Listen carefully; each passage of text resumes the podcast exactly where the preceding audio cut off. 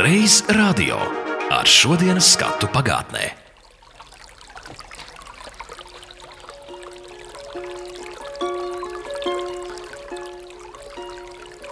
Vai avotā ūdens vienādi tā tek?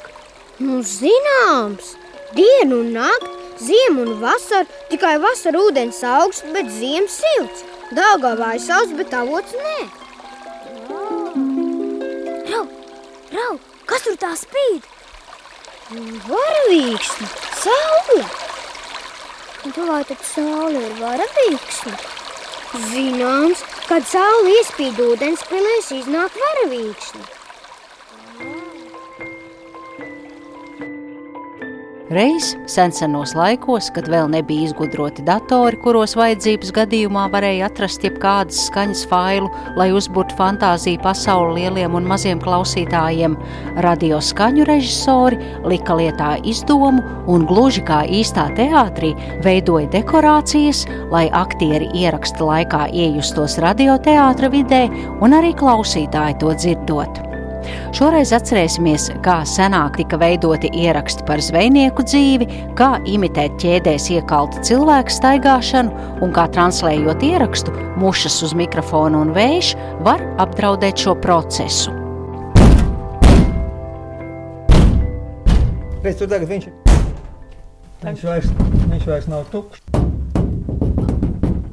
Nu, tā, kad tu augstāk paklapē, tad uzliec atbalsi. Cik sen tā kaste ir? Paskaties. Rīgas radio simfoniskais Radio orķestris. simfoniskais orķestris. Tāda nosaukuma jau nav gadi 40. Savulaik pārdot šo metāla kasti, kas senāk ir kalpojusi mūzikas instrumentu pārnēsāšanai, tika imitēti pērkona dārdi. Tagad bez lielām pūlēm dažne dažādus skaņu efektus var atrast bagātīgos interneta krājumos, taču radio iestudējumi ar efektīgām lietus un viļņu šalkām, trauku šķindoņu vai atbalsts efektu tika radīti jau krietni sen pirms datoru ēras. Pirms pāris gadiem, kad radioteātris studijā vēl nebija veikts remonts un mūžībā vēl nebija devies komponists un ilgadīgais radioteātris skaņu režisors Ungars Savickis, viņš man izrādīja ikdienā apslēptu pasauli ar dažāda veida kāpnēm, slēģu lodziņu, grīdu, kur zem mīkstā seguma slēpās gan marmors, gan dēļi, gan pavisam īsts asfalts un vēl neskaitāmus rekvizītus, ar kuriem tika radīti skaņu efekti. Šī studija jau arī šeit ir. Apmēram šeit ir asfalts ieklāts grīdā. Nedēļas divas studijas smirdēja, jo ieklāja īstu asfaltu. Kāpēc? Lai varētu soļi pa asfaltu. Šeit ir balts marmors, gabals ar caurumiem, kur, teiksim, imitēt soļi pa marmoru, pilis kaut kādas, kaut kas tāds. Apmēram šeit ir kaste ar atveramu vāku, kurā ir grants. Ja kādam ienāca prātā imitēt soļus pa ar ūdeni nesalaistītu granti, tad šeit nevarēja elpot, jo visi tie putekļi jau, protams, bija gaisa. Šeit bija Dēļi. Es jūtu pēc. Koka dēļ varētu būt apakšā. Anu, tagad to nu, dabūt. Tagad es neplēsīšu no Jā. Šeit ir čīkstīga grīda. Nu, redz, te ir, piemēram, tu vari uzkāpt pa trepēm. Šīs ir koka trepas. Šīs ir koka trepas. Var uzkāpt augšā. Un tēlot, ka tu atrodies kancelē. Ja uzkāpj augšā, tad arī ir variants nokāpt bišķi pa citu vietu. Lejā. Pa metāla. Tas ir metāla trepas. Te ir rakstīta visādi staigāšana pa kuģiem. Šeit ir durvis. Kur Var atvērt, var aizvērt. Šeit ir lodziņš, lodziņš var pieklauvēt. Var atvērt, runāt pa logu. Var aizsirst logu.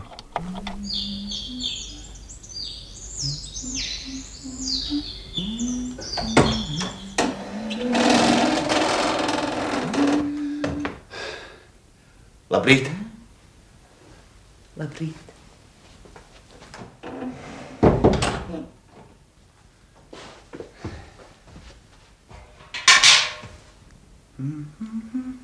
Spoguli, spoguli, teic, kura visdaļākā pasaulē?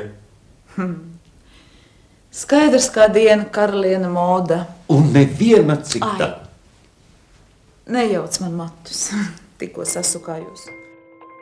Tas bija fragments no 1975. gada iestudējuma Karalienes modas zeme. Tajā dzirdējāt aktierus Uldi Dumpi un Lilitu Ozoliņu, un skaņu režisors bija Vents Sēlis, kuru pieminēsim arī nedaudz vēlāk. Bet tagad atkal pievēršamies skanošiem rekvizītiem radioteātras studijā. Kino buļbuļs vajadzēja vienreiz ripināt. Skaitāmie kauliņi, tamburīns, ķēdes. Nu, ja ir, teiksim, jāraksta par cietumnieku vai ne? Principā jā. Vai govi, kurai jāatsien vai Govs, jāatsien. go- govs šitā nebūs. Šis būs drīzāk, nu, piemēram, pagrabā, ūdens pilvēl. Un viens būs, teiksim, pieķēdāts pie sienas, smags noziedznieks. Tagad mēs to sametam kaudzē. Un tagad man ļoti grūti tā vienkārši izstāstīt, bet tā skaņa ir šāda. Ja šo katru skaņu sasinhronizē ar smagu zābaku soļiem, tad nāk cilvēks bruņās. Bruņinieks viduslaikā. Jā, jā.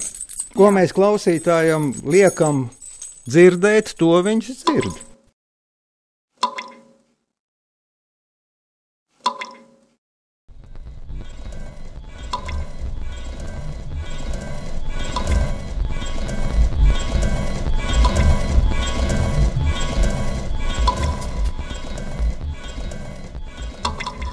Jā, jā. Miss Bareta. Mēs atrodamies tukšā mājā, tukšā telpā. Divi vien. Es un jūs. Šis skaņu fragments bija no 2003. gada iestudējuma augšu pa leju pejošām kāpnēm, un Džo Feronis lomā dzirdējāt aktieri Mārci Maņakovu. Taču tagad kāpjamies atpakaļ uz tiem laikiem, kad studijā tika lieta pieminētā asfalta grīda. Izrādās šīs idejas vaininieks bija toreizējais skaņu režisors Maigons Ozols. Vēl viens izcils skaņradis, kurš nu jau ir aizsaulē pie saviem kolēģiem Ungara Savicka un Venta Sēļa. Maigons Ozols savulaik neskaitāmu raidlugu skaņu darinātājs par savu darbu 2005. gadā ieguva Nacionālās radio un televīzijas padomas balvu par mūža ieguldījumu. Jūsu uzmanībai fragments no 2015. gada ierakstītās intervijas, kad Sirmajam kungam jau ritēja 88. gadsimta. Tās mēs ar sēlu uztaisījām. Panācām to, kad eh, iztaisīja šo asfaltēto celiņu studijā. To mēs atradām tieši tādu momentu, kad betonēja laukumu. Doma laukumi. jā. Doma laukumu, ka betonēja toreiz palūdz strādnieks, kas ienes vairāk, viņa kādu pusdienu tur nostrādāja un sanes iekšā mums asfalts sanesu un u- uzlēja tur, kur mums bija vajadzīgs. Un tā kā mēs esam tur piestrādājuši bišķiņu pie tās studijas iekārtošanas. Maigoņa ozola, ja tā var teikt, meistarstiķi bija ieraksti ārpus radiostudijas sienām - pie jūras, uz ielas, mežā, pilīs vai mūžās. Es centos, kad bija vajadzīgs meža šalks, bija vajadzīgs, kad bija vajadzīga jeb teiksim, ielas trokšņi. Vis, tos es visu mēģināju rakstīt kopā ar tekstu. Aktieri brauca līdzi un, un rakstīja man tieši tajā vietā, kur, nu, kur notiek darbība. Vēlna kalbi, viņi, to viss pie jūra gandrīz tika ierakstīts. Uz statīviem uzlikām mikrofonus. Ja bija telefoniski, tur brigādi izlika mikrofons, un tad aktieri arī tuvāk, tālākā un vajadzēja mums, tā mēs arī mm, tur rakstījām. Tad pie jūras aktieri nāca, un eh, nu, bija tāda lieta, ka, piemēram, laivā arī vajadzēja rakstīt, es atceros, ka Sebras brauc zvejnieka dēlā ar motorlaivu un kliedz uz zivju pārpirkšanu. Tad tas iznāca laivā ar visu jūru, un gatavs viss bija ieraksts jau, kā saka, vajadzēja tikai pirkt galskāpu.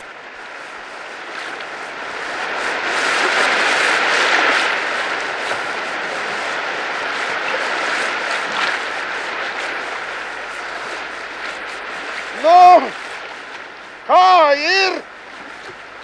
Tukšā! Tukšā! Atkal tukšā. Ah, nu, ne puskaste. Tāda jau ir tā zvejnieku dzīve. Izstrādājies, izvelcies stundām ilgi, un beigās redzi, ka nav nekā.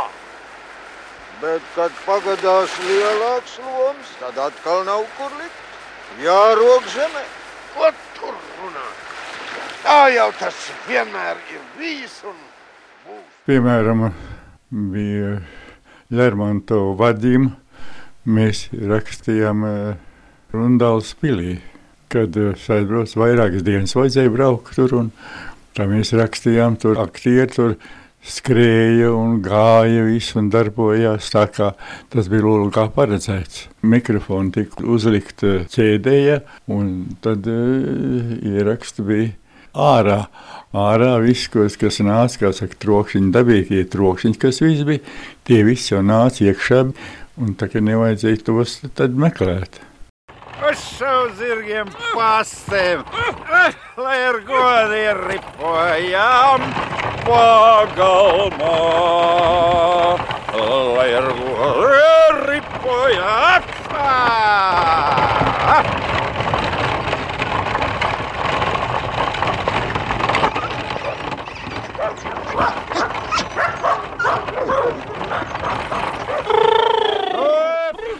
Tas iznāca daudz, daudz labāk nekā piemeklēt. Lielais vairums tika rakstīts studijā, bet šāds ieraksts, kur piemēram to pašu Melnkaldu viņus mēs rakstījām pie jūras. Viss nāca jūras šalkas, nāca jau iekšā, tās jau visas bija tad arī tas noformējums, kas bija vajadzīgs tajā dotajā momentā, tad mums iznāca jau gatavs. Tikai vajadzēja piegriezt galus klāt vai ne? Tā. Sarunā ar Maigo Nozolu piedalījās arī viņa dzīves biedre Valentīna, kura palīdz vīram atminēties notikumus no radiodarba laikiem, un Valentīnai Ozolai ir arī stāsts par vīra bijušo kolēģi Ventu Sēli. Jā, par tiem ierakstiem, ka tu gribēji pateikt, ka Ventu Sēles pat, pat mm. trīs dienas sēdēja pie operas teātra kanāla malā, lai ierakstītu gulbju dziesmu. Tas bija interesants moments. Dienas un naktis viņš sēdēja kanāla malā, lai ierakstītu. Jā, tur attiecīgai lugai gulbjas dziesmu. Viņam tas izdevās. Valentīna atminas, kā 1984. gadā pēc Jāņa Jaunsudrabiņa darba motīviem Raidlugu Uršulīte ierakstīja toreizējā komunistiskās partijas līdera Augusta Vosa medību saimniecībā. Tur viņi brauca uz Vosa medību pili. To uršulīt To rakstīja. uršu, jā, un tajā pilī esot dzīvojis pats Voss, un tur netālu esot bijis aploks. Un tajā aplokā esot dzīvojuši dzīvnieki, vai aļņi, vai meža cūkas. To viņa neredzēja, bet eh, pats Voss viņus šāva. Tos dzīvniekus, jā, savām vajadzībām. Un to ierakstu traucēja trokšņi. Un tad viņi konstatēja, ka tur netālu bija eh, novietoti lieli leduskapji, un tajos leduskapjos viņi glabāja to, to gaļu. Un tie leduskapi bija tie, kas to troksni radīja. Vienkārši, ka darbojas jā, ledus. Darbojās, jā, leduskaps, un tas viņus traucēja. Vai jūs kaut ko varējāt toreiz teikt Vosam, iebilst, ka jums lūk, vai viņš varētu atslēgt? Man gadījās, ka mēs bijām uz ierakstu, un tur tajā vietā es vos nestatiku. Un jums vajadzēja pieciest to leduskapju rūkoņu, vai jūs pārvietojāt ierakstu aparatūru kaut kur? Vajadzēja piecīs ā, aparatūru, un mēs pārvietojam citur. Bet pārbraucot mājās, kontrolēja vēl, ka tomēr, tomēr višķiņi bija, vai ne? Tā vajadzēja filtrēt, kā saka. Varēja izņemt to ar filtru. Ar... Tā nevisai, kā saka. À, tad tagad, ja kādreiz no radioarkīviem pārraida uršulīti, tad ļoti rūpīgi ieklausoties, ja kāds dzird dūkoņu, tad tie vosi leduskapji. Jā. Jā. Tā iznāk. Tev, meita, vajadzētu raudzīt ar viņu tā prātīgi izrunāties. Man bail, ka viņš savā iedomībā negros savu prātu. Tas, ka jūs baznīcā jau uzsaukt, vēl viņu nesien pie tevis, tāpat kā nesietu tas, ja tu gulētu viņa kambarī. Ļaužu valoda viņš nebīstas, un dieva soda vēl mazāk. Es tur nekā nevaru darīt. Es gribu būt laba, padevīga un uzticīga sieva, bet es būšu uzticīga arī savam meitas godam. Radio, elektromagnētisko viļņu raidīšana un uztveršana. Turpinot jums stāstīt par skaņu ierakstīšanas mākslu un šī darba aizkulisēm, palūkosim, kā norit pasākuma translācija no notikuma vietas. Pirmā pasākuma pārraide tiešajā ēterā bija tad, kad piedzima Latvijas radio, proti 1925. gada 1. novembrī. Tad notiek pieslēgums operas namam, kad radiofons translē operu Madame Butterfly. Tāda lieta kā radio pārvadājumā ierakstu studija parādījās 1936. gadā. Radiofona rīcībā nonāca aparatūra, ar kuras palīdzību reportāžas tekstu un skaņas ierakstīja vaska platēs. Šādu ierakstu varēja tūlīt atskaņot, taču plates izmantošanas laiks bija ļoti mazs. To varēja lietot aptuveni 10 līdz 12 reizes, līdz plate nodila. No tiem laikiem līdz mūsdienām tehnikas attīstībā ir noticis milzu lēciens. Nu skaņa tiek raidīta pa gaisu caur satelītu, taču vēl aizvien translācijas brigādes darbs ir atkarīgs no dabas, no laika apstākļiem un arī no kustoņiem. Busiņš ar daudz vadiem un bez šķīvja veido visu skaņu, lielā pults, busiņā ir iekšā visa aparatūra. Tur pienāk skaņa no visiem mikrofoniem.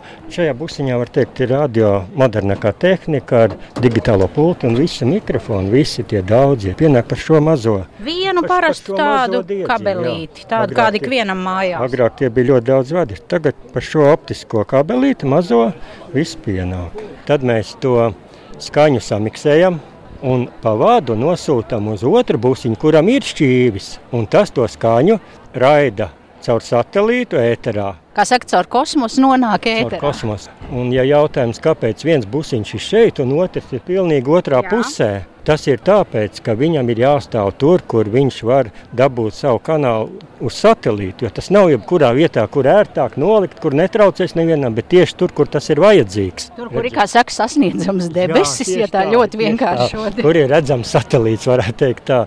Skaņu inženieris Aivars Štengelis radio strādā ilgus gadus. Viņš ir sēdējis translācijas busā pie skaņu pults, kad vēl te nebija kā šodien izvietoti monitori un datori. Es jau radio strādāju vēl tajos laikos, kad nebija ne mobile telefoni, ne internets. Savā ziņā tas pat bija interesantāk nekā tagad. Jo, jo tagad, piemēram, vajadzīgi ir kādi trokšņi, strautiņš vai pērkons. Atver datoru, iet internetā, paņem. Visu ar vienu pēles klikšķi. Tad mēs braucām dabā. Vajadzīgs sniega ieraksts, nolikām vidū mikrofonu, staigājām apkārt cilvēku, ierakstījām sniegu. Gurkstoši. Jā, gurkstoši. Piemēram, mēs rakstījām staburaku bērnus reāli mežā pie strautiņa. Mikrofons bija pie strautiņa. Bērni, aktieri, visi mežā. Tas bija kolosāli, putniņi dabīgi, visi. Ziem tev gan laikam māte māca ābeci. Ābeci? Nē, es taču vēl esmu mazs. Cik tu tev gadu? Es nezinu. Māte teica, ka seši. Man septiņi.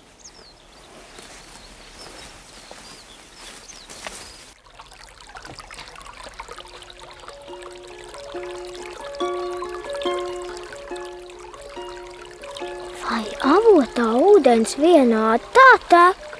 Nu, zināms, dienu un nakti, ziemu un vasaru, tikai vasarā ūdens augsts, bet ziemas silts. Dāngā vai saules, bet avots nē. Kas tur tā spīd? Kopā ar Aivaru Štengeli otrā busiņā strādā viņa pārinieks Jānis Finkenfūss.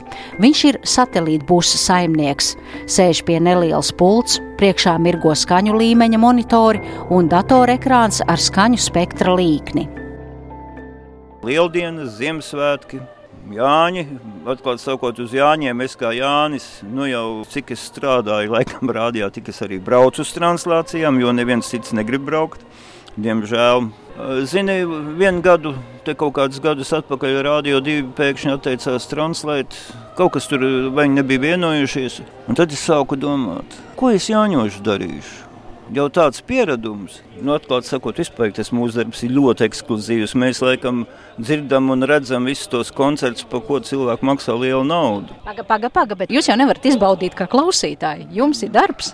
Nē, nu mums ir darbs, bet mēs taču redzam un tomēr arī dzirdam. Nu, labi, mēs sēžam šoreiz mašīnā. Ja? Nu, labi, mēs neesam skatītāji vietās, bet tas klātbūtnes efekts jau vienmēr ir. Gribēju prasīt, kas notiek, ja kāda kaija vai vārna lūk uzsēž te uz tā satelīta šķīvja uz busiņu jumta, vai tā ir gadījies, un tā viņi izpaužas vokāli? Cik es zinu, gluži tā nav bijis, bet mums ir bijis cits gadījums, kad mūšas uzsēžas uz mikrofona folkloras ierakstos. Mēs pie folkloras teicējām mājās, lauku sētā. Noliekam lielo mikrofonu istabā, nu tik sāksim rakstīt. Klausamies mašīnā, tur praktiski izklausās, kad lidmašīnas vai helikopteri paceļās un nolaižās. Bija tā, ka visas lielās lauku mušas uz tā mūsu mikrofona sasēdušās. Tad nācās ar to cīnīties, kas arī nav vienkārši. Arī mums notiek kora avesola ieraksts, Anglikāņu baznīca. Klusa dziesma, viss skaisti.